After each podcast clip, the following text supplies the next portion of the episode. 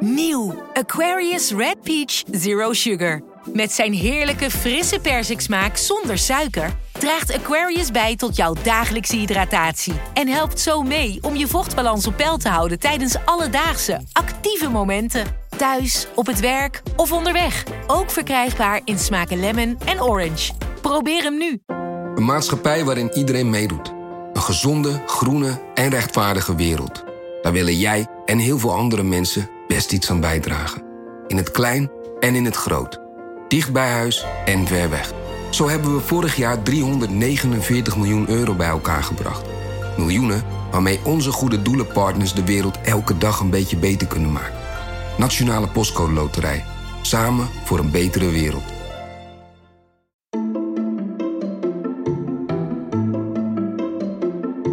Welkom. Wij zijn Onbehaarde Apen. Dit is een podcast van NRC over wetenschap.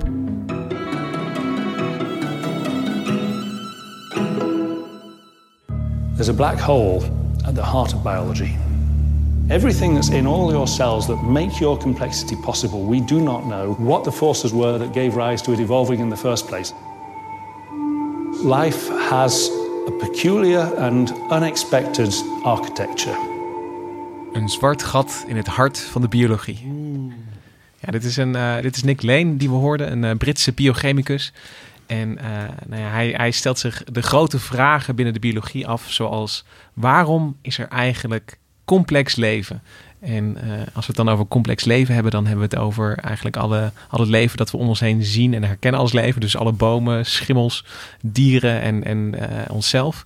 Wij zijn een, een, een hele bijzondere vorm van leven. En nou ja, hoe dat is ontstaan, daar is nog heel veel onduidelijk over. Maar, ja? nou bomen, Ja. maar het, het is nog veel gekker. Want het zijn de, de, de cellen zelf die al complex zijn. Ja. En niet het meercellige leven. Dus het is nog voordat er meercellig leven kwam. Ja, klopt. Dit, is, uh, dit gaat over hoe zijn de eerste complexe cellen eigenlijk ontstaan. Dat is de, de vraag die we ons deze aflevering uh, gaan stellen. En dat is, een, dat is een grote vraag, een complexe vraag. En voordat we daarin uh, duiken, is het je misschien al opgevallen. Dit is aflevering 31 van Onbehaarde Apen. we zijn met een andere nummering... Ja, je moet lachen, Hendrik. Omdat het, uh, we, hebben hier al veel over gesproken. Maar uh, wij vinden het fijner als we kunnen zeggen: we hebben al zoveel afleveringen van Onbehaarde Apen uh, gemaakt. Dus daarom gaan we niet elk seizoen weer opnieuw beginnen. Vandaar dat we nu in aflevering 31 zitten.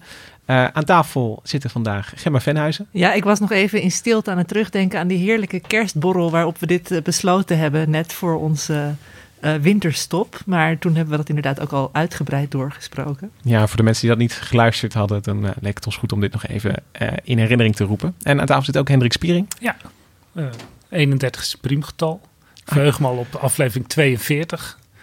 Dat is geen priemgetal. Nee, maar dat is het uh, grote getal uit, uh, uit de, de, de science fiction literatuur, met het antwoord op alles is. Ja, oh, ja, maar we gaan het nu niet over science fiction hebben, maar over echte science. En ook geen over, niet over wiskunde, maar over biologie. biologie. Ja, ja, en ik zit wel een beetje te denken. Ik denk, nou, ik ben biologie-redacteur. Ik dacht, ik heb toch best een beetje hè, bouwstenen, complexe cellen, weet ik wel het een en ander van. Maar dan komt die Nick Lane opeens met een zwart gat aanzetten. Ja, met dat zwart gat uh, bedoelt hij eigenlijk dat uh, als je de geschiedenis van het leven op aarde uh, hebt, dan, dan weten we dat, dat, dat vrij snel na het ontstaan van de aarde er leven was. Dus de aarde is ongeveer 4,5 miljard jaar oud. Nou ja, vanaf 4 miljard jaar zie je de eerste sporen van leven. Um, maar dat is simpel leven. Dat, dat is nou ja, de, de bacteriën die we denk ik allemaal wel eens van gehoord hebben, ja, die, die, die beginnen dan. Wat zeg je? Waar we ziek van worden. Ja. ja, waar we ziek van worden. Maar die, die, uh, als je, als je uh, gewoon kijkt naar wat ze toen deden, toen was er nog niks om ziek te maken.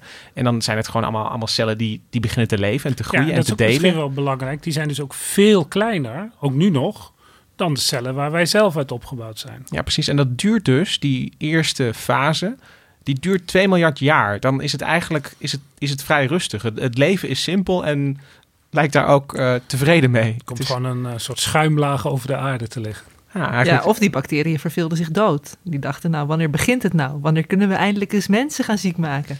Nou, ik denk dat eigenlijk de bacteriën... Het, het had zo door kunnen gaan. Want, want Het die leeft eerste, allemaal in zee ook, denk ik. Ja, of niet? eh, voor een groot deel wel. Op een gegeven moment krijg je die, eh, die fossiele... eh, Stromatolieten. stromatolieten. En- Ja. En die zijn wel bekend van... dat, dat zijn dan bacteriën die, die licht opnemen. En die leven dan in, in kustwateren. En dan, dan lijkt het er wel op dat ze een beetje aan de oppervlakte komen. Steek een kopje boven water uit. Maar dat duurt dus 2 miljard jaar. Het leven is, is simpel en het leven is goed. Eh, er, is niks aan de hand. Maar dan op een gegeven moment... Had zo door kunnen gaan. Het had zo door kunnen gaan, maar op een gegeven moment krijg je wat eh, de microbiologen dan noemen eukaryoot leven. En dat is, dat is gelijk al een, een term die ik er even inknal. En, en dat zal nog wel vaker gebeuren, deze aflevering. Ehm, maar de eukaryoten, eh, dat, dat leer je op de middelbare school bij biologie. Dat zijn, eh, dan, dan, dan, krijg je een soort lijstje met, met waarin verschillen bacteriën en eukaryote cellen. Eukaryote cellen hebben bijvoorbeeld een celkern. En dat is dan een van de, de, de dingen waarvan ze ook hun naam eh, eh, krijgen. Eukaryoot betekent, eu betekent dan echt en karyon is dan de, de kern. Goede kern betekent Oh, de goede kern, ja. Dus dat zit ook alweer een waardeorde in. Precies. Maar zo kreeg je dat ook op de middelbare school. Ja, Die bacteriën was een soort zak, Ja. waar alles zomaar los in zat, heel slordig. Maar wij daarentegen. krijg je de ja. ordelijke burgerlijke samenleving ontstaat eigenlijk met de eukaryoten, waarin alle organen netjes op een rijtje liggen. En dan heb je dus de eukaryoten, dat is de goede kern. En, en hoe worden de bacteriën dan genoemd? Die worden dan de prokaryoten. Dus ja, voordat je die goede kern had, had je, nou ja, Ook pro. iets. Daarvoor. zeg maar de ja. prehistorie der prehistories. Ja. Maar, het, Maar dat was dus die, die eukaryoten was eh, iets van ook 2 miljard Ja. jaar geleden kwamen die. ja, da- da- dan, dan duiken de eerste fossielen op. Eh, en ook als je gaat terugrekenen met, met DNA-bewijs, dan kom je op, op 2 miljard jaar. Maar nu komen we bij dat zwarte gat van eh, Nick Lane. Want ehm, Waar komen die vandaan? waar komen die vandaan? Ze zijn er ineens.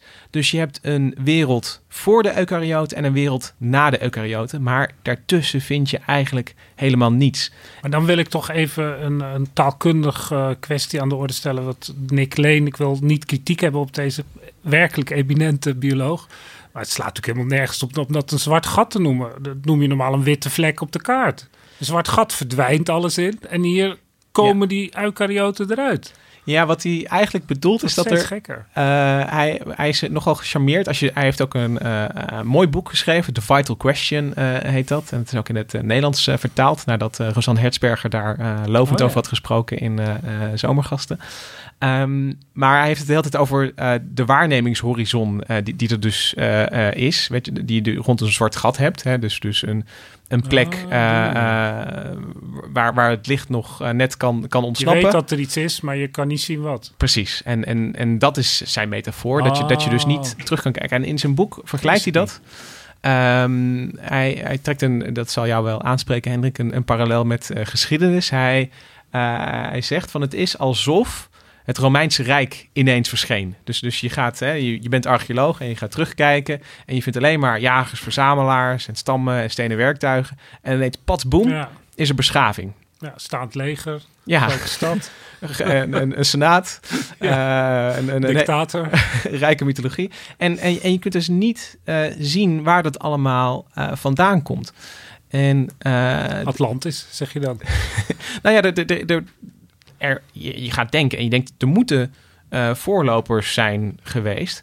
Maar eh, Ja, want en dan is het ook zo complex dat je denkt, kan niet uit de lucht komen vallen. Ja. Maar je bent, bent een beetje op zoek naar de missing link. Net zoals je ook helemaal hebt hè, Ja. over... eh, nou ja, toen eenmaal die eukaryoten er wel waren... heb je toch ook de vis die aan land kroop van Neil Shubin... over die missing link tussen in het water levende dieren... en op het land levende dieren. En wat gebeurde er daartussen? ja, dat is, dat is hoe de evolutiebiologie normaal gesproken werkt. Is dat je op zoek gaat naar dat soort ja, zijtakken figuren, eigenlijk. ja. En, en als het gaat om eh eukaryoten, eh, zijn die er eigenlijk niet. Alles, alle eukaryoten die er zijn, die, die zitten op dezelfde manier in elkaar en die doen dezelfde ingewikkelde dingen. En ik ja, dacht, dus er is niet een soort eh halfkern. Nee. eh, En het ingewikkelde is dan dat ze een heel geavanceerd eh, metabolisme hebben. Dus hoe ze met stoffen in de cel omgaan. En het is veel ingewikkelder. Ja, dat is een hele belangrijke vraag die je nu stelt. En ik denk, ik denk dat het de moeite waard is om daar ietsje langer bij stil te staan. Over ehm, hoe. Want, want bij biologieles, jij, jij had gelijk een, een eh, flash van, van herkenning van. eh, oh ja, weet je wel, dat, dat, dat leerde je toen met die celkern. zakje en dan het Ja. geordende radio van de eukaryoot. Maar dat is eigenlijk, eh, weet je wel, van, van als, als eh, middelbare scholier moet je dan inderdaad zo'n zo'n rijtje uit je hoofd leren met waarin prokaryoten en eukaryoten verschillen. Maar dan, dan waardeer je niet echt uh, hoe groot het, het verschil zijn. En om, om maar met één dingetje te beginnen, gemiddeld uh, genomen zijn eukaryote cellen. En dan een, een, een eukaryoot kan dus, dat is ook heel goed dat je dat zegt, kan dus ook eencellig zijn. Ja, een pantoffeldiertje leerde je dan op de... En, en een ameube, die zullen veel mensen ook kennen, dat is ook een eukaryoot. Maar die zijn gemiddeld 15.000 keer groter dan bacteriën. 15.000. 15.000, ja. En behalve grootte kan zo'n pantoffeldiertje ook nog iets wat een bacterie niet kan? Ja, een heel belangrijk iets is bijvoorbeeld seks. Seks is een eukaryote uitvinding. Bacteriën die, die wisselen DNA uit, maar uh, als je kijkt wat eukaryoten doen, die, die, die gaan een, een, een hele celdeling uh, door, die gaan hun chromosomen netjes verdelen en dan maken ze geslachtscellen die maar de helft van het normale aantal chromosomen hebben. En dan, uh, dan moeten er twee van die geslachtscellen weer bij elkaar komen. Dat doen bacteriën allemaal niet. Dat is een eukaryote uitvinding. Je kunt ook zeggen, die eukaryoten die maken het echt nodeloos ingewikkeld. Ja, dat kun je zeker dat zeggen. Dat is typisch iets wat bacteriën dan... Uh, ja, ik, met ik, kleine ik ben vandaag voor de bacteriën. op de achtergrond roepen. Nou, om, om, dat is heel goed dat je dat... Uh, want, wat gaat doen? want als je een, een uh, bacteriële genen, die zitten heel simpel aan elkaar. Die lees je van A tot Z uit. En dan, nou ja, dan heb je een... Dan wordt van dat gen wordt een, een afschrift gemaakt. En daar wordt dan weer een eiwit van gemaakt. Maar de eukaryoten, die hebben daartussen hebben ze stukjes DNA zitten die eruit geknipt moeten worden. Dus het wordt, uh, zeg maar, het, het, verhaal wat normaal gesproken van A tot Z wordt uitgelezen, daar, daar zit dus ja, een soort van rotzooi, noem ik het even. Of een tussen. extra besturing. Ja, dat, dat kan. Uh, de intronen zijn dat. Maar, maar het, het, is, uh, het is extra overhead als je er met een uh, koude bedrijfskundige blik naar kijkt. Er zit, er zit een soort overtollige administratie een in de organisatieadviseur was het nooit aan begonnen. Nee. En, um, Allemaal extra lagen, hoop managementlagen in die eukaryoten. Nou ja, dat ze een celkern hebben, dat geeft het al een beetje weg. Want je hebt dus de, de informatie is dus afgeschermd van de rest van de cel. Terwijl die in de bacterie, ja, ligt die dus, dus vrij in de cel. En, uh, dan moet je er naar zoeken. Ja, er moet dus, uh, je moet dus veel meer uh, dingen van A naar B ja. brengen. Een kluis, een soort, een soort cijferslot heb je nodig. Ja, en dus, dus je hebt in die celkern moet ook weer gaatjes komen te zitten waar de informatie dan weer uit kan. En, en uh, dit is iets wat ik pas ben gaan waarderen toen ik moleculaire levenswetenschappen studeerde in Nijmegen. Klinkt niet zo heel sexy, maar het is eigenlijk heel veel van wat een eukaryote cel zo bijzonder maakt, is eigenlijk zijn, zijn celskelet. In elke eukaryoot zit een, zit een, soort, zit een soort dwarsbalken. Uh, over elkaar heen die uh, de cel een beetje stevig houden. Als je zo groot bent dan, en uh, ook van vorm moet veranderen, dan ben je dus de hele tijd bezig om al die, die dragers zeg maar, opnieuw neer te zetten. En dat is het actine-netwerk, heet het dan. En dat, dat geeft de cel stevigheid en ook flexibiliteit. Want je kunt het kost heel veel energie, denk ik ook. Ja, precies. Je, je, dat is wel een hele belangrijke. Naast dat actine-netwerk heb je ook nog een, een soort ja, snelweg. Uh, en dat worden dan de microtubuli genoemd. Uh, en, en, dat zijn een soort draden. Oh ja, dat zijn mijn favorieten eigenlijk. Ja, dat is echt geweldig. Uh, dat, dat, zijn een soort draden door de cel waar, een, waar, waar langs zeg maar, een soort celtransport plaatsvindt. Dat is een soort, ja, sorry, Gemma, een soort science fiction stad uh, met allemaal van die vliegende auto's. Ja, en als je het, ja, maar een reële stad is het dan toch? Die allemaal, die op dit moment zijn al die vliegende auto's in jouw lichaam. Triljarden keren. Dat is toch fantastisch, ja. ja ik, ik zat naar heel veel metaforen te zoeken. En dat, ik, ik kwam er uiteindelijk uit dat de bacterie is een soort eenmanszaakje. Die regelt alles zelf. ZZP'er? Of? Ja, en uh, een eukaryotecel is toch een beetje een multinational. Die heeft heel veel werknemers en het Ah. alles, alle taken zijn on, onderverdeeld. Je hebt een soort administratie ergens zitten, weet je wel, die doen hun eigen dingetje. En het is, ze, ze, ze werken allemaal wel voor hetzelfde doel, voor diezelfde cel. Maar uh, ze hebben hun taakjes veel meer onderverdeeld. En er is een heel goed filmpje van wat, wat dat eigenlijk allemaal laat zien, wat er in die eukaryotecel gebeurt. En die, die heb ik gezien tijdens mijn studie. En tot dat moment was ik uh, heel veel aan het leren over al die eiwitten die er waren. Uh, hè, van, van de eerste jaren moleculaire levenswetenschappen zijn niet zo heel spannend. Je bent echt heel veel enzymen uit je hoofd aan het leren en, uh, en al deze verschillen. Maar toen ik dat filmpje zag, toen was het voor het eerst van... wauw, wat zit het allemaal mooi in elkaar. En uh, ik denk dat het wel leuk is om daar even samen naar te kijken. En, oh, daar worden wij ook bekeerd door moleculair bioloog. Ja, ja dit is... Dit is uh, we zullen proberen een live uh, sportverslaggeving te doen. Het, het, we, we, zullen de link naar het filmpje ook zetten in, in de show notes. En het, het heet Inner Life of the Cell. Het is gemaakt in opdracht van Harvard University. En die, die hebben een... Eigenlijk was de opdracht van... neem nou eens een, een, een witte bloedcel... Van laat nou eens zien wat daar allemaal binnen gebeurt. Hebben jullie ook op play gedrukt? Mag ik op play? Ja, ja, ja druk maar op play. En een witte bloedcel is, is, is gewoon gekozen, eh, want dat is ook een cel die veel moet bewegen. Dus, dus het is een, een, een filmpje waar je eerst de bloedbaan ziet. Oh ja, ik zie allemaal rode deeltjes. Dat zijn... En dan gaan, gaan we langzaam... eh, eh, ik zie echt veel te veel. Ja, het is een soort moerasbos oh, dit zijn die tubuli die we zien waarschijnlijk. Allemaal wel nee, we zitten, we zitten nu nog aan de buitenkant. Oh, een soort- en, en we duiken er eiland. Nou, dit langzaam. is, echt, dit is echt heel psychedelisch. Dit is- past meer in de LSD-aflevering, denk ik. En nu du- duiken we langzaam Oh, nu onder het we oppervlak. Oh ja, met allemaal rare We draadjes. zweven rond. Oh, Het is een soort groentesoep aan het worden. daar zie ik het actine-netwerk, denk ik. Met een soort Haribo-beertjes die in een zwembad rondzwemmen. Het gaat wel trouwens in een razend tempo, zeg.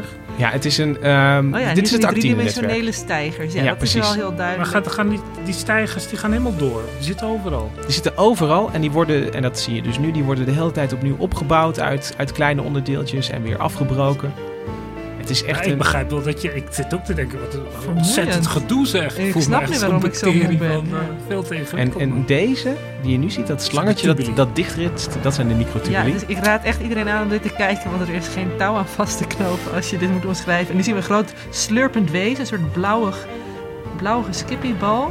Ja, er is een soort, een soort, stu- soort skippybal die wordt langs die tubuli getrokken door een, Ja. een of ander ijverig miertje. En dat is dus echt wat er gebeurt. Die microtubuli, daar, daar wandelen dus eiwitten overheen Oh, die dingen van A naar B aan het brengen zijn. In die, Ja, in die blaasjes. een beetje moedeloos. Ja, ik, ik bedoel, dit gaat nog. Het eh, is geen multinational, dit is een soort olierafinaderij. Dit, dit, eh, dit, dit gaat nog anderhalve minuut zo door. En ik, ik denk dat het voor de luisteraar al, al, al een beetje duizelt. Ehm, eh, misschien moeten we hem hier maar eventjes eh, eh, Ik stopzetten. heb alleen het endoplasmatisch reticulum gemist. Oh ja, jouw favoriete woordje. Ja, dat, dat heb ik ook nog van Fimo-klei moeten maken. Ik moest een cel nabouwen van piepschuim en Fimo-klei. Maar het endoplasmatisch reticulum, jongens, dat is die ook weer zo'n eh, middelbare schooldingetje. Dat is een soort logistiek centrum. Weet je wel, daar worden ook weer eiwitten afgeleverd en vandaan gezonden. En, en nou ja, ik, ik hoop dat jullie nu een, een beetje eh, het- het beeld hebben gekregen van die eukaryote cel. Dat jullie het met me eens zijn dat Nick Lane ergens wel een punt heeft als hij zegt van... Vandaan. Ja, waar komt dat vandaan ineens? Weet je, je, je hebt, je hebt dat, dat, eh, die, die simpele zakjes, zoals jij ze al noemde, Hendrik, eh, met, met wat DNA erin, de bacteriën.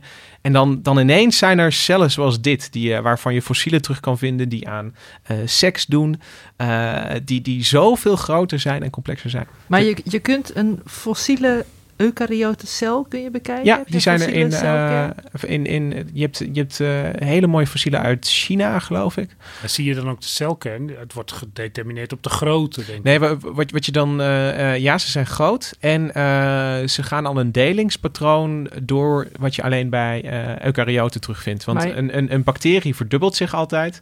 En eukaryoten hebben hele ingewikkelde volgorde waarin ze ineens, weet je wel, in, in eh, de, de meio's heet het dan, weet je wel, dan, dan gaan we door een viercellig stadium heen en dan zijn het allemaal rare... Dus, dus... eh, Ja, dus dat weten ze, maar ze weten niet of die fossiele eh eukaryoten ook al die actine-netwerken hadden en zo. Die- Nee, het, het is dus.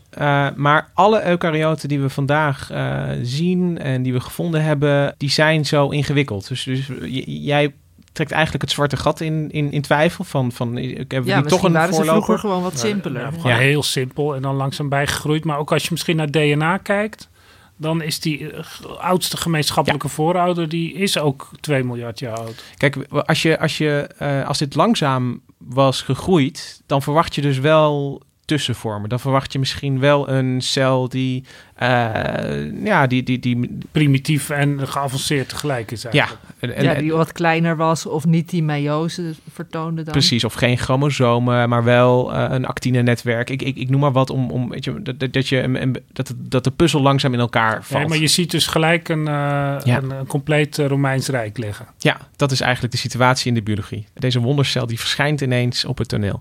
En eh, nou, je kunt je wel ja, voorstellen dat dat biologen heeft bezig gehouden heel lang.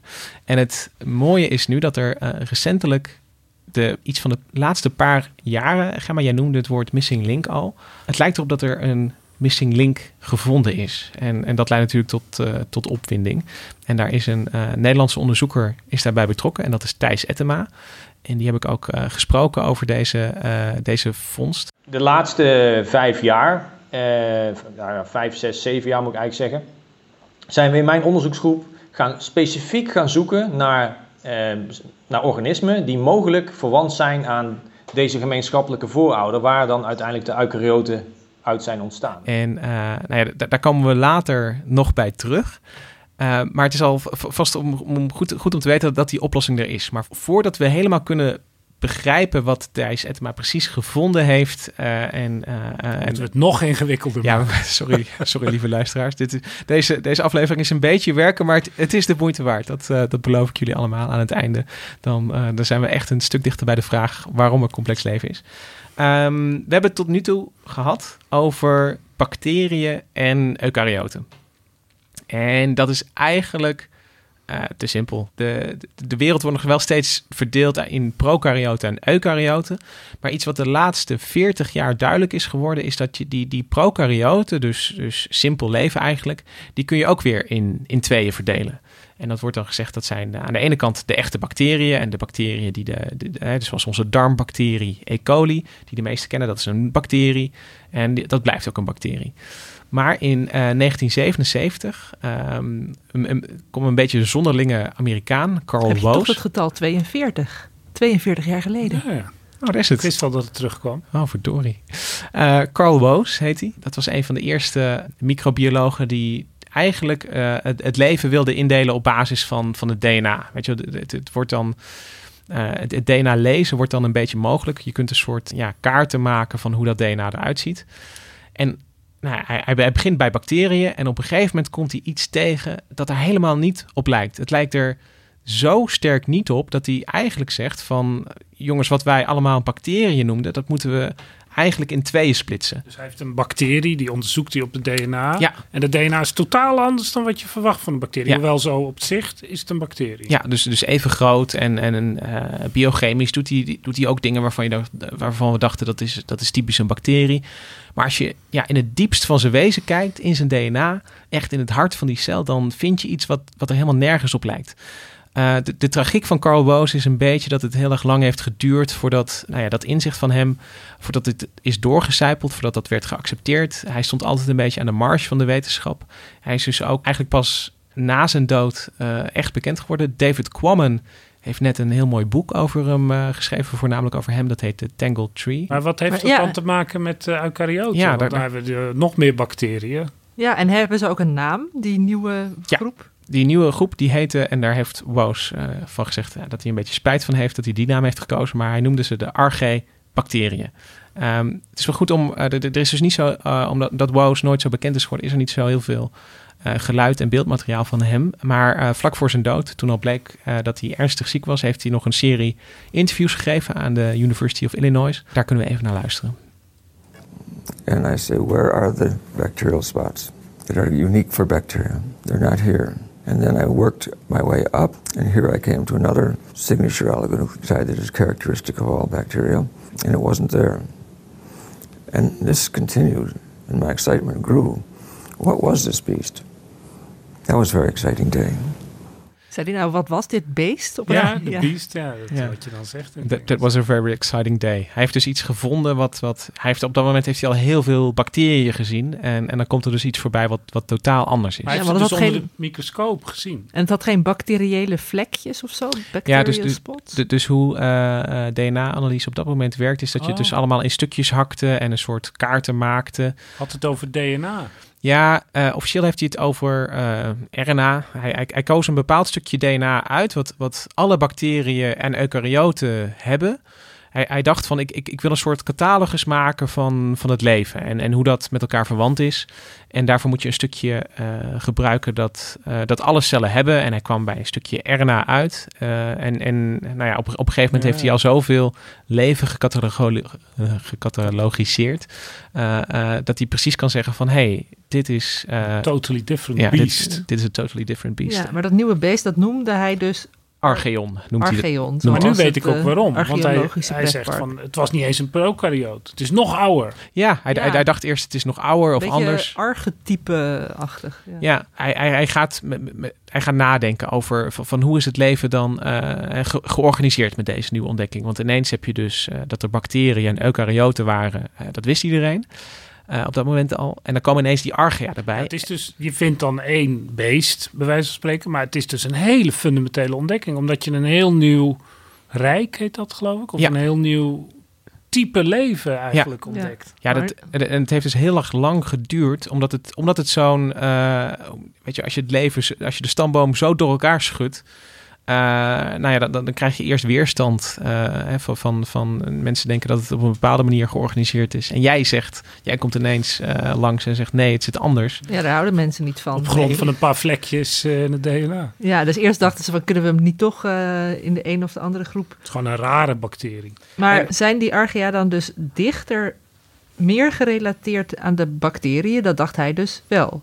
Meer ja, dan aan de eukaryoten. Nee, het is Carl Woos komt, en, en dat wordt dan uh, de drie domeinen hypothese genoemd. Uh, Woos komt met een indeling waarvan hij zegt, uh, weet je, je kunt de stamboom, daar, daar, kun je dus drie grote groepen in aanwijzen. De bacteriën, de archaea en de eukaryoten. En dat zijn allemaal heel verschillende takken, dus, dus het leven is ontstaan. Uh, en, en, dan vertakt het zich al vrij snel in drieën. En ja, dan dat is allemaal gelijkwaardig. Het is niet zo dat je ja. er eerst twee had en dat er vervolgens... En, en, en wat hij een beetje zegt is dat, de, uh, dat, dat ziet hij wel, dat de eukaryoten, op, op basis van het stukje uh, waar hij naar kijkt, zegt hij, die staan iets dichter bij de archaea. Dus, dus, dichterbij? Dus, ja, iets dichterbij, maar, maar het, het, zijn onafhankelijke domeinen. Maar je had toen dus nog niet dat zwarte gat, want die kwamen gewoon toevallig, er werd verder niet diep over nagedacht hoe dat vreselijk ingewikkelde eukaryotenbeest toen al ontstaan is, dat deed er niet zoveel toe. Nou, het, het, het was meer dat je, uh, als je ineens met, met zo'n nieuwe groep komt, ja. dat, die moet je een plekje geven. Ja. En, en, en dus, dus, dus WoW hield zich niet heel erg bezig nee. met dat zwarte gat, maar iemand anders uh, wel. Dat was Lynn Margulis en dat was een hele eigenzinnige uh, vrouw die ook nou ja, het denken over het ontstaan van het leven behoorlijk op haar kop heeft gezet. Zij keek naar de eukaryotische cel. En zij zag dat daar, uh, ja, dat is een complexe cel zoals we net hebben gehoord, met allemaal eigen celorgaantjes. En zij keek naar sommige van die orgaantjes en, die, en ze zei, verdomme, die lijken echt ontzettend veel op bacteriën die je ken. Weet je, dat dus, kan makkelijk, want die cel is 15.000 keer zo groot. Dus ja, daar zou een bacterie makkelijk in passen, inderdaad. En als we het hebben over 15.000 keer, moet ik er goed bij zeggen, dat is het celvolume. Dus als je het plat slaat, is het, is het niet... Uh... nee, maar... maar dat doen we niet hoor, mensen. Dat doen we niet. Nee, maar 15.000, de cel is natuurlijk een driedimensionaal ding, dus dat, ah, dat, dat, dat is 15.000. Ja, maar in ieder geval toch een flink stuk ja. groter en daar passen wel wat bacteriën in. Ja, dus zij zag, zij keek naar die eukaryote cel en zij wees daar dingetjes aan en ze zegt van ja, die lijken zoveel op bacteriën. Wat ik denk dat er gebeurd is, is dat er een, een cel is geweest en die heeft andere cellen opgegeten.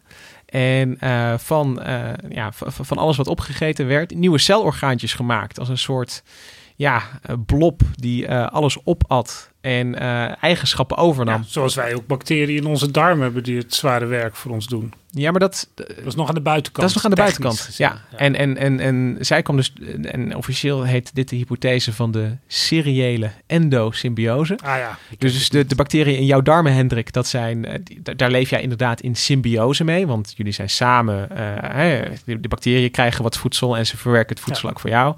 Jullie hebben er allebei wat aan. Maar dit, uh, Lim Margulis zag dus endosymbiose. Dus uh, cellen die waren opgenomen en onderdeel geworden van de cel. Een en dat Pac-Man-achtig wezentje zie ik nu. Een soort grote cel die allemaal kleine bolletjes opeet. Ja, ja soort, maar ook een soort domesticatie. Het is eigenlijk het vee van uh, de cel geworden. En ook Lim Margulis was een, een eigenzinnig type. En zij heeft ook veel weerstand gekregen. Want to give you a sense of a massive revolution in our thinking that has come across during the last about 20 years. She liked to start trouble.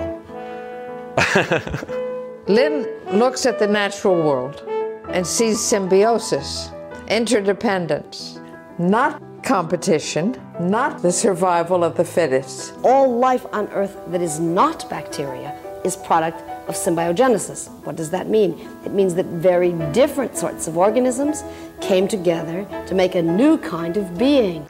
Het is echt wat je noemt uh, klassiek out of the box denken. Dat je dus ineens denkt, het zijn geen organen, ja. het zijn bacteriën. Precies. En, en Mark Julis was ook, omdat het zo revolutionair was, ook, heeft ook, en ze zat ook een beetje aan de buitenkant van de wetenschap. En zij, voor haar was het ook ideologisch. Hè, dus dat hoorde je net ook al een beetje, dat het... Um, eh, ja, evolutie werd als, als die hele, eh, zo'n harde wereld van, van survival of the fittest eh, afgezet. En zij zetten daar iets anders tegenover, namelijk samenwerking. Ja, ja, een soort vreedzame visie op de cel. Ja, en ook een, voor haar was het ook belangrijk een, een soort vrouwelijke visie. ik bedoel, Mar- Margulis had er allemaal gedachten over. Nou ja, ze kwam dus met dat hele andere verklaring eigenlijk waarom die eukaryote cel zo in elkaar steekt. En zowel Woos als Margulis, ze zijn nu allebei dood. Ze hebben dus eh, nou ja, heel erg eh, ja, moeten knokken om, om, eh, voor, voor hun visie. Ehm, en het interessante was, ze waren het ook onderling totaal niet eens. De Woos moest niet, niets hebben van die ideeën van, van Mar- Margulis. Die, voor Woos was het echt duidelijk. Die stamboom, weet je wel, ik kijk naar mijn stukje DNA.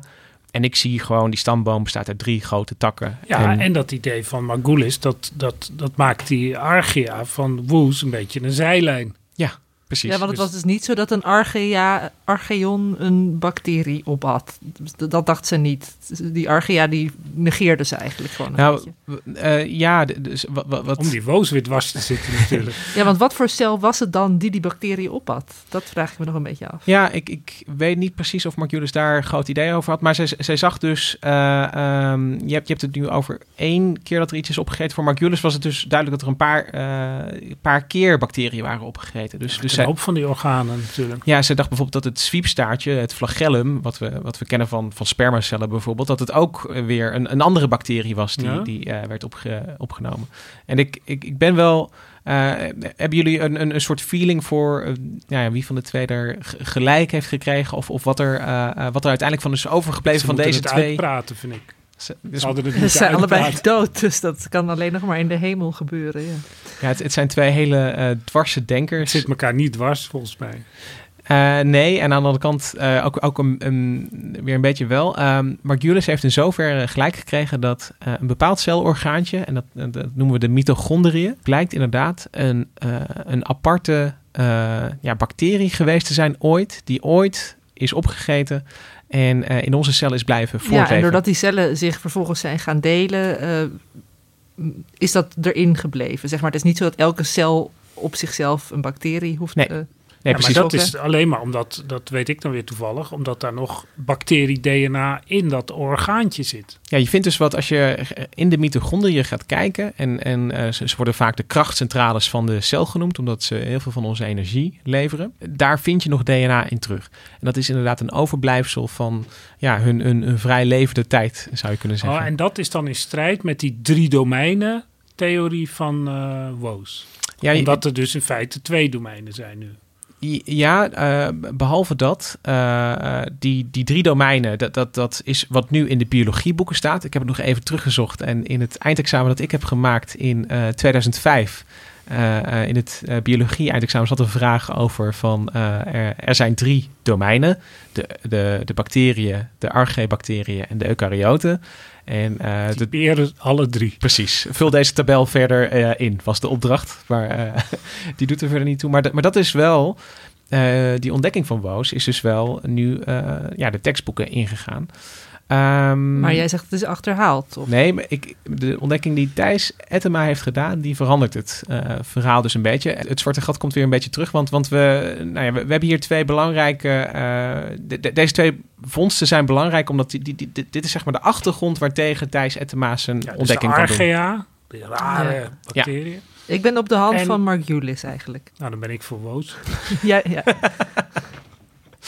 Maar je, ehm, en in de aanloop naar, eh, naar de ontdekking van Ettema ehm, wordt al duidelijk dat, eh, dat de eukaryote cel, dat die, die, die, als je gaat kijken van, naar dat DNA, die, die, die heeft een beetje van een archaebacterie en een beetje van een gewone bacterie in zich. En dus er ontstaat een idee dat eh, die mitochondriën, eh, dat dat de overblijfsel zijn van een bacterie die ooit door een archeon zijn opgegeten. Oh, dat, dat, dat gevoel is van de Ja. laatste tien jaar of zo, door Ja. DNA-onderzoek. Maar Ja, dan is het precies. helemaal zo'n Russisch poppetje geworden. Met een eukaryoot, met een archeon in zich, met een bacterie Nee, in en dat, dus dan heb ik het niet goed uitgelegd. Nee, de, de, de- het, het idee Oh, is dus dat de eukaryoot is een archeon die een bacterie heeft opgegeten. Ja, dus Oh, er zijn dat in, is in alles. feite nog maar twee domeinen. Sorry, wow. Woos. Die woos, die eh, door elkaar... eh, die, dus de eukaryoot is een combinatie van bacteriën en archeoten. Ja, dus, dus als je het eh, in je hoofd een stamboom moet zien, moet je eerst twee takken zien die uit elkaar lopen. Dan raken ze elkaar. de archea en de bacteria. En op een gegeven moment eh, raken twee takken weer met elkaar Ja, vervlochten. en nicht die met elkaar trouwen. Precies. En, eh, en, en dat worden dan de eukaryoten. Maar dan ontstaat alsnog op magische wijze dan een celkern enzovoort. Ja, en eh, dus, dus hoe we dat... Ja, dat zou Woos nou ook zeggen natuurlijk. Oké, we zijn ge- gewisseld van kant. Ik ben nu voor Woos dan. En ehm, ja, de- de- dat idee was er dus. Maar nog steeds is, is dan... eh, dat is theorie eigenlijk. Ja, dat is theorie. En ehm, nou ja, wa- wat je dan nodig hebt, is, is nog steeds zo'n zo'n zo'n missing link. Een beest. Een beest wat je, eh, waarnaar je kan wijzen eh, en zeggen van... kijk, hier hebben we misschien iets te pakken wat, ons, wat, wat licht werpt op eh, dat ontstaan van die eukaryoten. En laat dat nou zijn wat Thijs Ettema heeft gevonden. Nou, het was, was zeg maar duidelijk eh, toen we het eerste genoom hadden gereconstrueerd. Toen werd duidelijk dat er een aantal genen aanwezig waren in dat genoom wat we reconstrueerden. Die eh, eigenlijk nooit gevonden worden in, in prokaryoten. Niet in bacteriën, niet in archaea. Die eigenlijk specifiek zijn voor eukaryoten. En op dat moment was dus duidelijk van... Of we hebben een heel speciaal organisme in handen. eh, mogelijk een organisme dat iets meer zou kunnen zeggen over het ontstaan van eukaryoten. Of we hebben iets fout gedaan en we hebben misschien eh, het genoom wat wij eh, gereconstrueerd hebben, dat dat een, een mengeling is of dat het vervuild is met sequenties van, van eukaryote organismen. Het is natuurlijk nogal eens wat als je met een organisme aankomt die eh, zeg maar, een soort van transitie is tussen het, het typische eh prokaryote leven en eukaryote leven. Om het eventjes eh, scherp neer te zetten, wat Thijs Ettema dus gevonden heeft, is een, een archaea-bacterie. Maar, die, maar wel Een eentje... archaea eigenlijk mag je geen bacterie noemen. Ja, een archeon kun je ook zeggen. Een archeon met, eh, met genen voor een actinenetwerk, voor dat celskelet. Weet je, Oh, van, juist van, dat actine. Nee, ja, voor, een, een, een, een die driedimensionale stijgers die steeds weer op Ja. worden. Ja. En eh, je ziet ook eh, genen die je normaal gesproken bij eukaryoten vinden, die, eh, ja, die, die dat celtransport regelen. Ja. Maar waar vond hij dat dan? Ik bedoel, dat, dat ligt niet zomaar op straat, zo'n archeon. Met... Nee, en, en dat is dus het bijzondere en waarom het ook zo lang eh, geduurd heeft. Ettema heeft die bacterie, eh, of die archeon, eh, nooit gevonden. Hij heeft eh, alleen het DNA van die archeon teruggevonden in, eh, nou ja, eigenlijk in de bodem van de zee. Eh, nou ja, dus, dus twee kilometer onder water en dan nog een paar meter de, de zeebodem in. Daar vond hij het DNA terug van dit bijzondere beestje. Dan, dan kan je ook wel begrijpen dat hij bang is dat er een verontreiniging in het spel is natuurlijk. Ja, hij heeft eigenlijk heeft hij dit, eh, eh, ja, dit diertje, de- deze archeon, dus, dus nooit gezien. En heeft het gewoon water opgeslurpt daar vandaan en daar vindt hij dan die genen in. ja, hij kan het zelf beter vertellen. En, en dan is het nog goed om te zeggen dat, eh, dat het, de, de, de zeebodem waar dit vandaan komt, dat is eh, vlakbij een heetwaterbron, een, een black smoker voor de kust van eh, Noorwegen. En deze plek, eh, die heette Loki's Castle. Nou, tot op heden heeft niemand, voor zover ik weet, Loki echt eens een keer onder de microscoop kunnen bekijken. En dan zou, je, zou mensen denken van, hoe kan dat nou? Nou, dat is eigenlijk een heel simpele reden voor. Ehm, de plek waar wij eh, Loki vandaan gevist hebben, of gesampled, zoals wij dat dan noemen, dat zijn dus inderdaad van die eh, marine sedimenten. En dan moet je echt denken dat het eh, een aantal kilometer onder het, onder het zeeoppervlak, de zeebodem, daar, gaan, zeg maar, er wordt er in die zeebodem geboord, een aantal meter. Ehm, dat zijn omstandigheden die, ja, die heel extreem zijn. Extreem hoge druk, er, is, er, is, eh, zijn heel weinig nutriënten, heel, heel weinig voedingsstoffen voor, voor organismen om daar te groeien. En in die zeebodems, ehm, daar, daar leeft eigenlijk vrij weinig. Daar heb je inderdaad alleen nog micro-organismen die, überhaupt die daar kunnen leven. Maar zelfs als we gaan kijken eh, hoeveel micro-organismen daar vinden, het is eigenlijk een soort woestijn, zo moet je je voorstellen, met af en toe een keer een cel.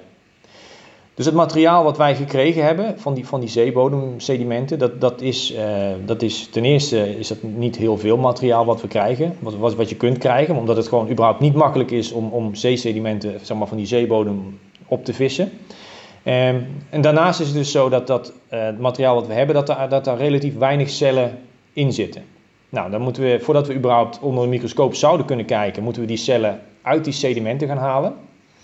Eh, en dan moeten we ook nog even kijken dat het, het proces van het, het, naar boven halen van die sedimenten, van de druk op die zeebodem, die is enorm. Na zeg maar, de, de druk zeg maar, die we hier, van één atmosfeer die we hier op aarde hebben. Er zijn ook cellen die daar niet zo goed tegen kunnen.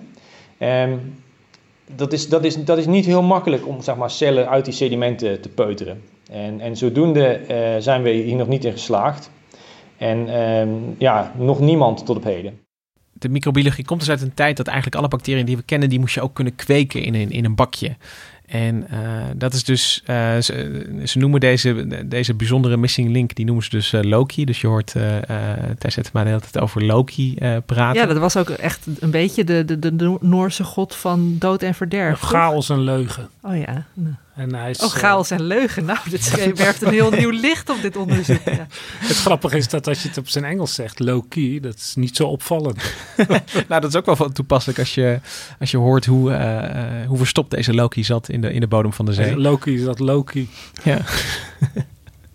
dus wat er... Um, maar maar uh, Thijs Etema legt hier eigenlijk uit dat ze dus Um, er is sinds eigenlijk 2005 ongeveer is er een, is er een nieuwe techniek uh, om, om uh, naar de omgeving te kijken. En dan kijk je gewoon naar alle DNA wat je terug kan vinden. Dus, je, dus je, uh, omdat we tegenwoordig zo, zo, goed zijn in het uitlezen van DNA, is het dus mogelijk om uit zo'n eh, monster van de zeebodem, om gewoon nou ja, daar alle DNA uit te zeven en dan achteraf dus in elkaar te puzzelen van ehm, nou ja, uit wat voor levensvorm kom, komen al deze stukjes ja, die we hoeveel soorten je eigenlijk hebt. En is dat inderdaad wel uh, veilig tegen besmetting? Want Hendrik zei net van ja, weet je, kan je makkelijk een soort foutje mee maken, toch? Dat, nou ja, dat, dat is de grote kunst, denk ik, van dit soort biologen. Dat ze dat betrouwbaar kunnen reconstrueren. Het is hebt, technisch toveren, lijkt me. Ja, je hebt dus heel veel overlappende stukjes nodig voordat je die puzzel uh, kan leggen. En uh, nou ja, Etema legde ook uit dat die, als je zoiets bijzonders vindt, hè, wat in, in dit geval een wat ik toch moet omschrijven, Loki is een soort archeon met eukaryote trekjes. Uh, uh, weet je, ja, je... met zo'n uh, zo'n zo'n zo'n zo'n celstructuur erin. Ja, precies. dat zijn die eukaryote trekjes. Ja, voordat je daarmee naar buiten kan komen, dan moet je dat, dat, dat gaat ook niet zo makkelijk. Kijk, Thijs Ettema had heel makkelijk het pad van Woos en Margulis bijna op kunnen gaan. Als je dan ineens uh, van de daken begint te schreeuwen van kijk eens wat ik nou heb. Dus, dus hij vertelde dat dat heel voorzichtig ging. Dat, dat uh, laat je een keertje zien aan collega's. Je bespreekt het een keertje op een congres. En pas toen hij uh, ja, een paar keer mensen tegen hem zeiden... Dit... politiek van de wetenschappelijke ontdekking. Dat ja. je draagvlak moet ja. creëren. Ja, en dus ja, we hebben soms wel het idee van, van de wetenschap... waarin de feiten voor zichzelf spreken. maar dat is niet helemaal hoe het werkt. En ik denk dat, dat het de verhalen van Woos, Marculis en Etema, dat, dat allemaal op hun eigen manier, zeg maar, uh, uh, laten zien. Dus pas toen verschillende mensen tegen hem zeiden van... joh, dit moet je echt eens publiceren. En, en, je hebt echt, echt oh, iets ja, heel joh, bijzonders. hij, hij wist het natuurlijk al lang.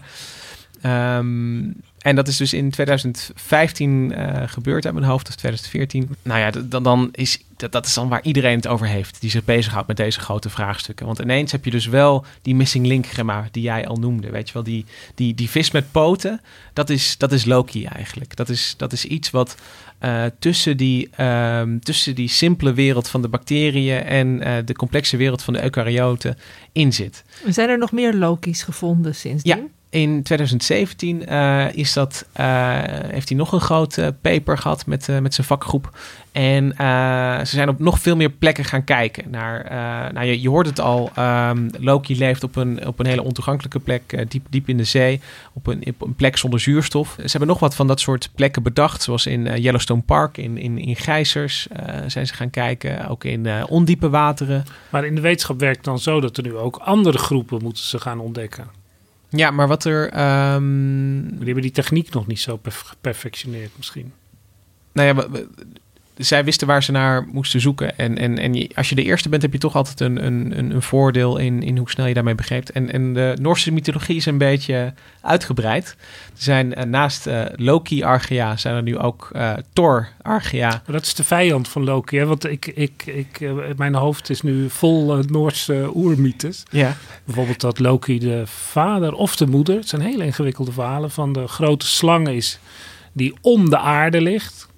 En als die uh, zich loslaat, dat is het einde der tijden. Ja, ik, dus... ik, ik ben opgegroeid met een iets andere mythologie. Ik, ik kijk de Marvel films. En in eh, de film eh, Thor Ragnarok uh, kom je er ook achter dat Thor en Loki, dat, dat zijn dan broers. En het zijn allebei zoons in, in de Marvel-wereld. Ja, zoons van Odin. Uh, Wagner zou je er vast een mooie opera over kunnen is een maken. adoptiefzoon.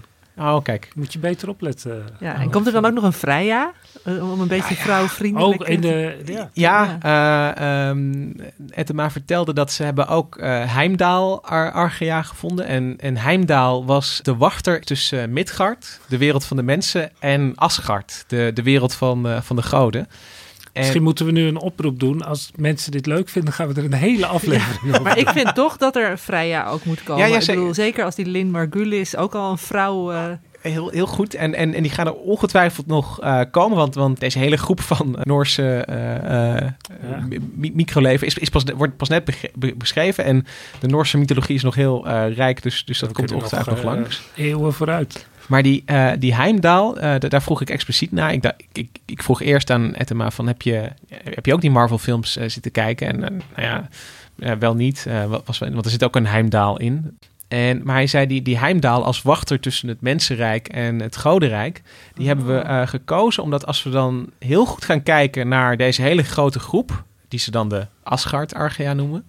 Dus, dus en binnen... Asgard is de wereld van de goden, ja, toch? Ja. ja. dus als we binnen de wereld van de Asgard-Archea kijken... dan lijken die heimdaals lijken wel de lui waar de eukaryoten het meest aan verwant zijn. Oh, ik dacht even dat ze de goden met bacteriën vergeleken en de mensen met...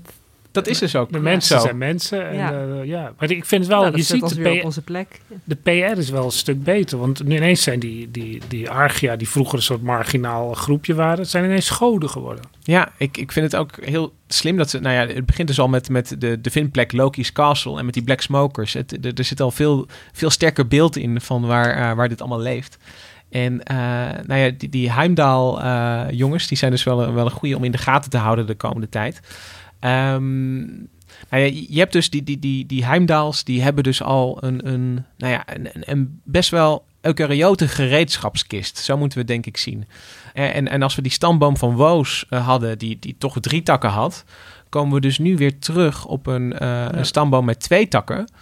Uh, en de eentje is de bacterie en de eentje is de archaea. Maar één van de takjes binnen de archaea, die, die bloeit dus op tot, uh, tot de eukaryoten. En, en waarom dus zou het juist daar, op zulke extreme plekken, goed gedijen? Ja, dat is een goede vraag. En om, omdat niemand Loki dus ooit heeft gezien of een van die verwanten. Uh, Etema vertelde ook deze, uh, deze bacteriën hebben een, of deze archaea hebben een verdubbelingstijd van 10 jaar. Ze, ze leven heel traag. Dat is echt heel langzaam. Dat is echt heel sloom. Dus, maar dus... er is toch wel een goede verklaring voor, want het, het, uh, het zijn dus beesten of arch archeons, archaea die voortleven al, die eigenlijk in theorie uh, al 2 miljard jaren onveranderlijk zijn gebleven. Een beetje, maar dit zijn in ieder geval een soort echo van een diep verleden. En, en misschien al die archaea die elders hebben geleefd, die zijn allemaal weggeconcureerd door de efficiënte eukaryoten of zo. Nee, de, de, de concurrentie tussen eukaryoten en uh, archaea die is dus, die bestaat dus bijna niet. Want omdat het zo. Ja, die zien we niet meer. Nee, ja, dat is, dat is één idee. Maar de, de, de, weet je, de, de, de, de schaal is zo anders. Want die, die Loki, dat is ook zo'n kleintje nog.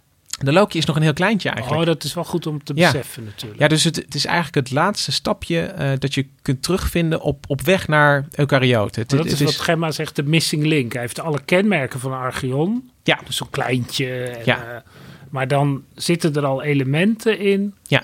die later die enorme knal gaan geven waar ja. die eukaryoot uh, op En die staat. Heimgard, of hoe die ook heet. Heimdal. Heimdal, die is ook nog steeds klein. Uh, Heimdal is ook nog een kleintje. Echt een, echt een prokaryoot. Dus, dus uh, weet je wel, van, van walks like a prokaryote en talks like a prokaryote. Maar... Dies like a prokaryote. Ik zie een hele leuke nieuwe film- en stripserie hier. Ja. Maar de, dus, dus je, je, um, de, de, de, de mensen die naar, dat, naar die eukaryoot kijken... en, en nou ja, net zoals jullie naar dat filmpje keken en, en dachten van... wauw, uh, al, die, al die bouwsteentjes, die, die zie je er dus, dus wel in terug. Dus het is in die zin is het wel uh, voor het eerst dat biologen iets in handen hebben waarvan ze echt kunnen zeggen en zeggen van nou, daar moet het ongeveer vandaan zijn gekomen. Maar het is nog altijd gegevens op een computerscherm. Ja. Het is nog niet de bacterie zelf. Nee. We weten dus ook niet zeker hoe groot die is. Nee, dat weten we niet zeker. Dat, eh, dat is heel terecht. Uh, en, en dat gaat dus, um, nou ja, hoe de wetenschap dan werkt, is, is je ziet voor het eerst zoiets bijzonders. En nu gaat natuurlijk de, uh, uh, Thijs Ettema is net vorige week begonnen als hoogleraar in Wageningen. Hij zat tot die tijd in Zweden. En dat gaat dus een van de dingen zijn om, om uit te zoeken. Van, van kun je zo'n, toch zo'n bacterie kweken en, en er naar kijken en er experimenten mee doen. En zien wat hij bijvoorbeeld doet met dat, wat is hij aan het transporteren? Hoe weten ze eigenlijk dat hij tien jaar over doet? Voor de, blijkt dat uit de DNA of zo?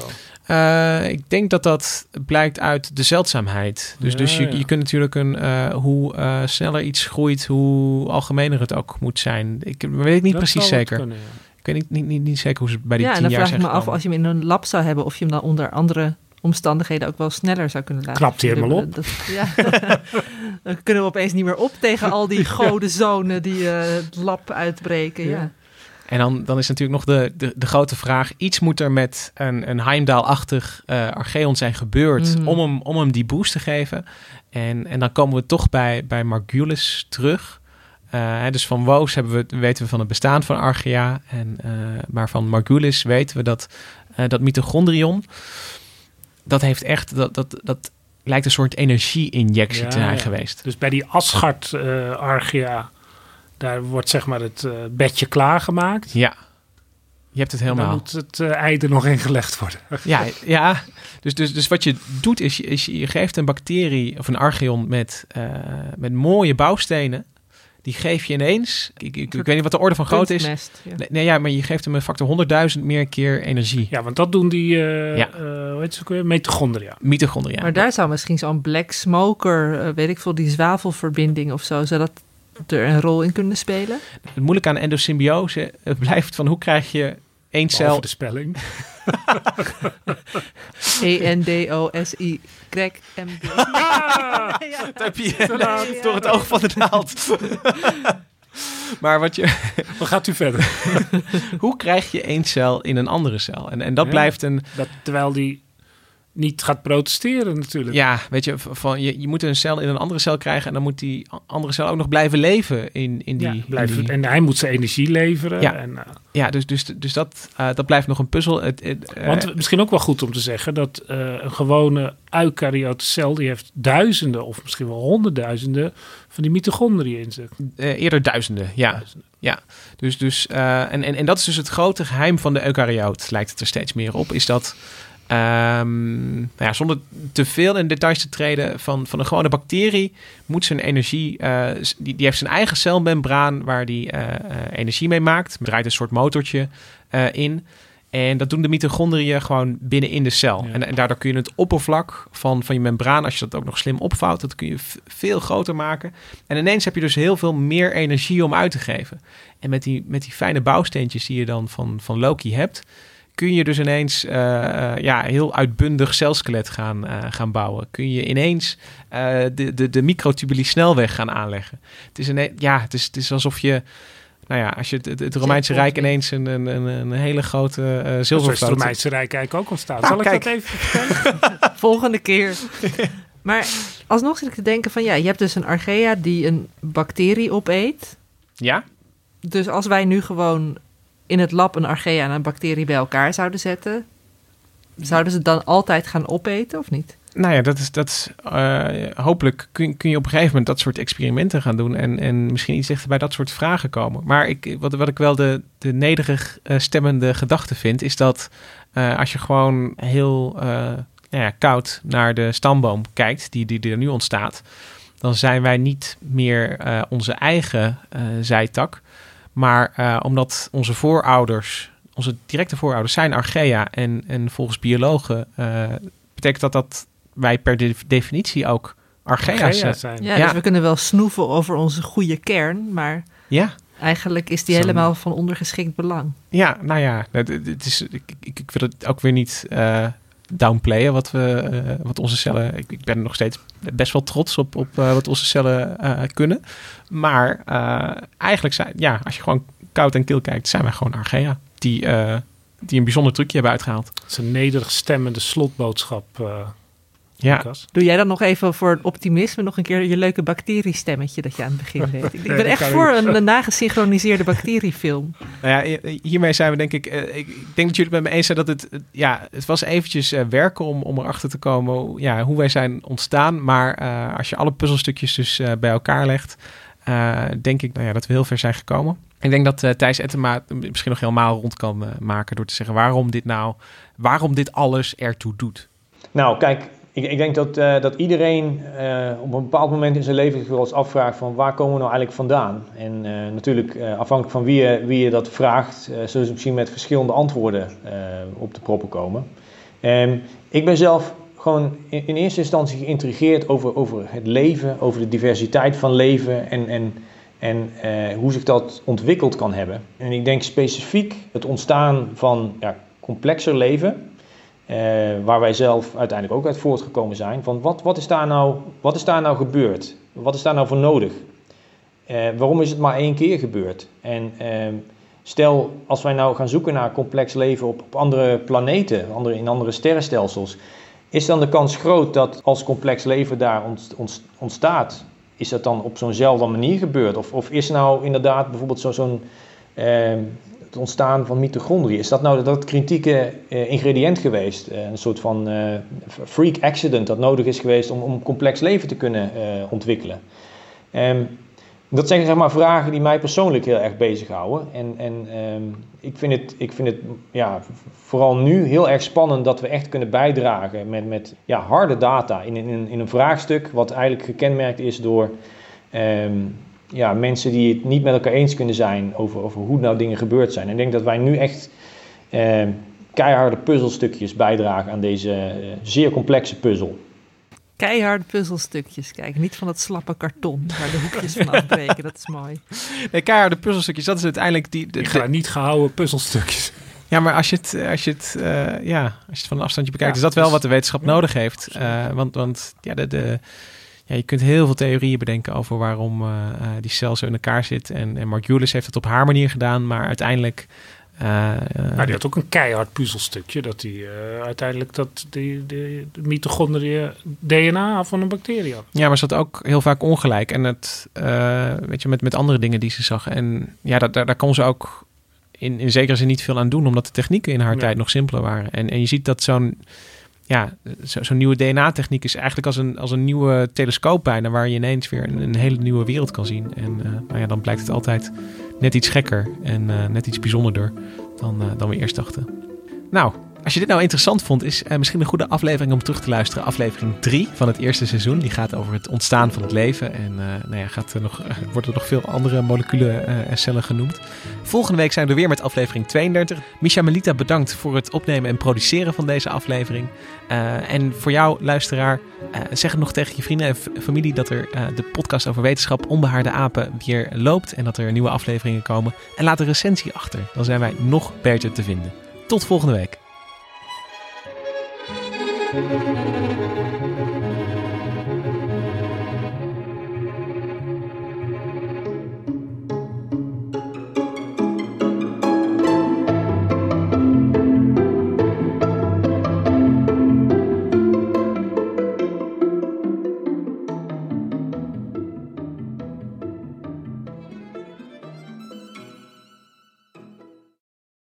financiële markten zijn veranderd, maar de toekomst, die staat vast.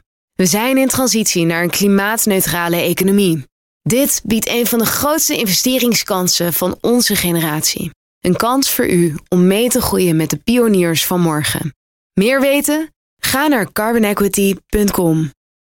Carbon Equity. Do good by investing better.